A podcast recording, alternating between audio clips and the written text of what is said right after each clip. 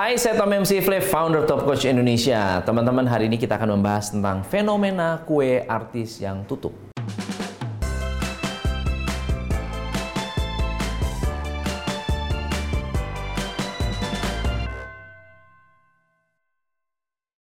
Beberapa tahun yang lalu, dunia kuliner khususnya pastry, bakery, kedatangan banyak sekali kue-kue kekinian. Nah, yang menarik adalah kue-kue ini bukan kue-kue yang dibuat oleh chef, tetapi oleh artis-artis ibu kota. Nah, awalnya kue-kue kekinian ini dikabarkan bisa menyaingi toko-toko kue lainnya yang memang sudah berdiri sejak lama dan akhirnya menggerus pasar persaingan kue-kue lokal apalagi tersebar di mana-mana di Surabaya, di Bogor, di Batam, di Makassar, di mana-mana. Dan yang menarik adalah setiap kali uh, kue artis ini muncul selalu berbondong-bondong diserbu oleh masyarakat. Nah, yang menarik adalah nyatanya kue-kue kekinian ini makin hari makin menghilang. Akun sosial medianya pun tidak update dan bahkan ada banyak outlet-outlet yang ketika saya kunjungi juga sudah tutup. Memang uh, tidak salah kalau yang namanya artis bikin usaha baru ya boleh, malah sebetulnya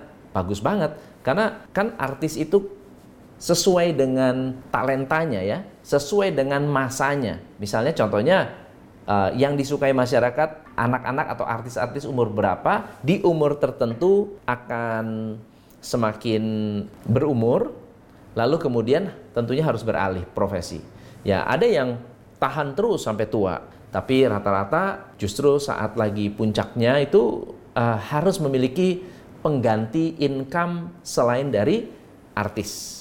Nah, banyak yang bikin kue.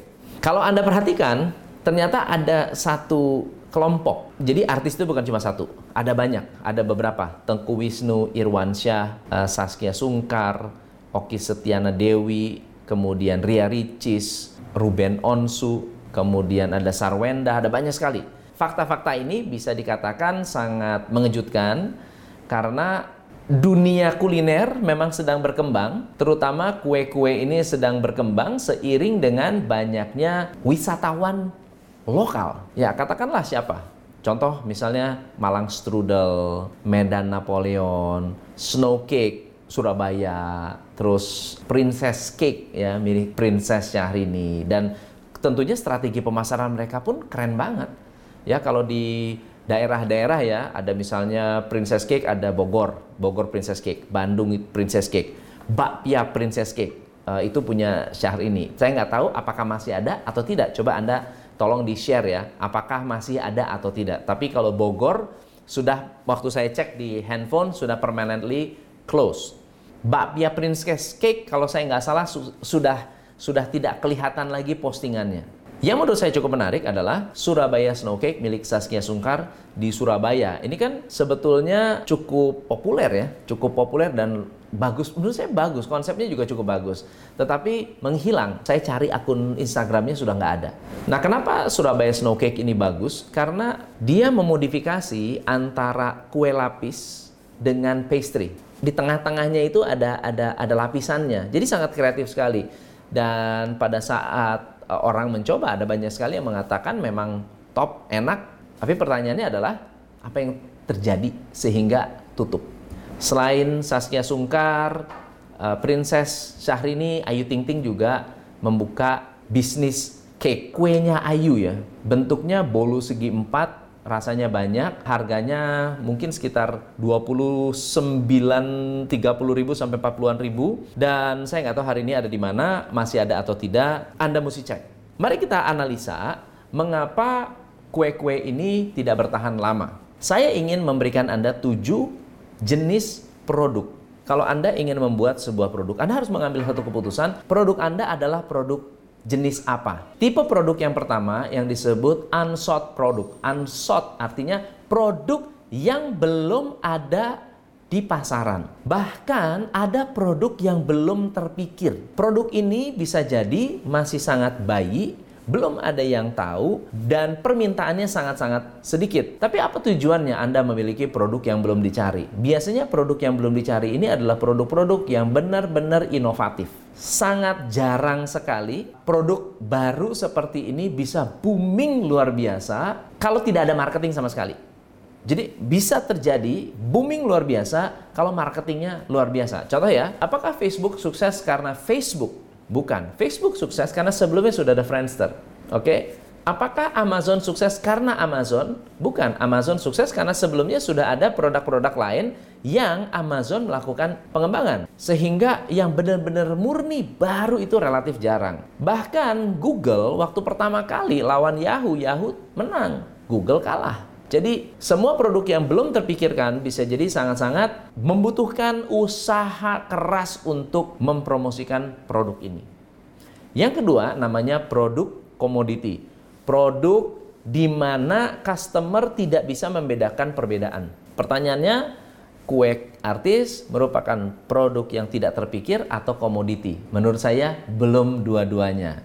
Tapi kalau Anda perhatikan, ketika ada yang meniru ya ketika misalnya puff pastry dengan Napoleon Medan itu ada yang meniru lalu kemudian lebih enak dan lebih murah produk artisnya menjadi lebih komoditi. Yang ketiga adalah produk pilihan pelanggan. Jadi produk pilihan pelanggan ini adalah produk yang memang siap dibayar oleh customer dengan harga mahal. Yang jadi masalah adalah biasanya produk pilihan pelanggan memiliki nilai jual yang ada di luar daripada produk itu sendiri. Misal contohnya, kue artis adalah produk preferensi pelanggan. Siapa yang nggak suka kalau artis kesayangannya bikin kue, Anda beli kue, bisa foto dengan artis, kuenya enak. Lebih bagus lagi, sudah bisa foto dengan artis, bisa beli kue, kuenya enak, harganya murah. Nah pertanyaannya adalah, Kan agak susah. Sudah artis yang jual, mau enak, mau murah. Tentunya kalau customers preference, biasanya harga premium pun orang mau beli. Pertanyaannya adalah sampai berapa lama harga premium ini siap untuk dibeli? Setelah Anda tahu rasanya princess cake, apakah Anda akan menjadi pelanggan setia seumur hidup makan princess cake setiap minggu? Apakah itu menjadi preferensi Anda? Atau jangan-jangan Anda punya preferensi lain, yaitu saya sudah tahu princess cake, saya pengen makan yang lain, saya pengen makan yang lain. Mungkin nggak mau nggak mau Anda setiap hari makan steak, sekali-sekali boleh makan pecel, sekali-sekali boleh makan pecel lele, boleh sekali-sekali makan tempe dan tahu aja, atau sekali-kali Anda puasa. Yang keempat adalah produk yang menjual kenyamanan. Intinya produk ini membuat Anda lebih ringan dalam bekerja, membuat Anda lebih ringan dalam menjalankan fungsi tertentu, membuat Anda lebih nyaman. Contoh apa? Mobil, motor, itu semua adalah produk kenyamanan. Daripada naik angkot, mending naik motor. Daripada naik motor, mending naik mobil. Daripada naik mobil nggak ada AC, mending mobil yang mahal sedikit ada AC. Jadi yang dijual adalah kenyamanan yang bertahap kenyamanan lagi, kenyamanan lagi, kenyamanan lagi, kenyamanan lagi. Yang jadi problem adalah produk kenyamanan selalu harus ada inovasi. Nggak mungkin Anda menjual satu produk yang hari ini nyaman, besok itu sudah tidak nyaman. Contoh, dulu mobil nggak ada AC. Nyaman nggak? Nyaman. Karena apa? Lawannya adalah beca. Lawannya beca. Kena angin, kehujanan, keanginan, lalu kemudian mending mana? Naik beca atau naik mobil tapi nggak ada AC. Ya mending naik mobil nggak ada AC, nggak apa-apa lah Lalu tempat duduknya bagaimana zaman dulu? Zaman dulu tempat duduknya besi, papan. Papan dengan busa tipis, ya, dengan busa tipis dan rame-rame. Ya, kalau diangkot 4 kiri, 6 kanan. Dan itu semuanya sudah standar, nggak bisa diganggu gugat.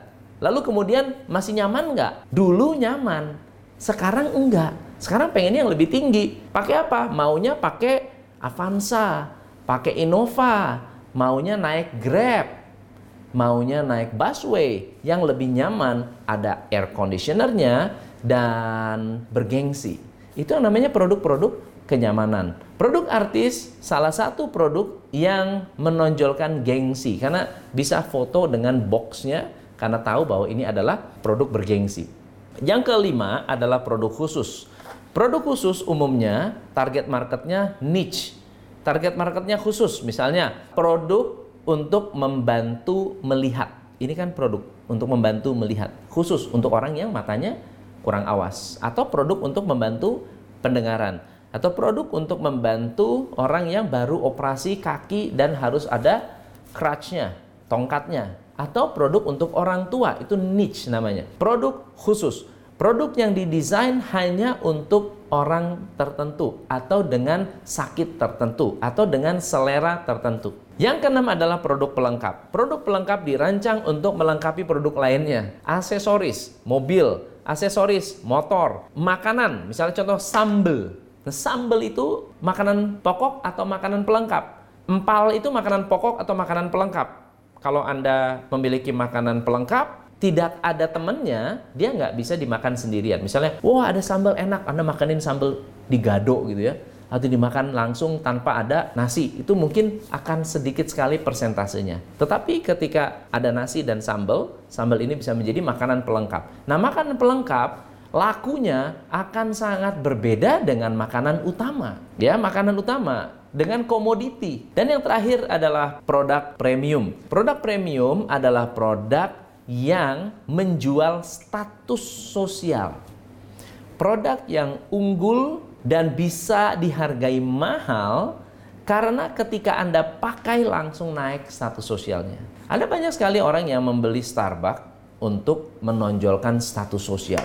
Ada orang yang pergi ke kafe, ada orang yang pergi ke klub untuk mengangkat status sosialnya. Ada orang yang membeli kamera ya untuk mengangkat status sosial padahal nggak bisa motret tapi kelihatannya keren banget bawa kamera gede-gede ya dan ini adalah satu produk yang sifatnya premium. Mungkin kue artis adalah produk premium. Problem dari produk premium adalah kalau hari ini habis, berarti besok tidak bisa dibeli lagi. Kalau udah habis nih, hari ini habis, lalu kemudian apakah masih mau makan sesuatu yang premium lagi. Kalau tidak terjadi inovasi, kalau tidak ada sesuatu yang baru, kalau semuanya masih sama-sama saja, maka produk ini tidak akan kelihatan luar biasa. Pembelajaran dari kue artis ini menurut saya sangat baik untuk kita semua karena bisnis harus fokus dan inovatif. Inovasi tidak bisa hanya satu kali. Inovasi harus mendengarkan suara konsumen. Apa yang konsumen mau, kita harus kejar dan berikan apa yang mereka mau. Ketika kita memberikan apa yang mereka mau, kita kelihatan komitmen dan komitmen itu tidak bisa pendek. Komitmen itu harus long term.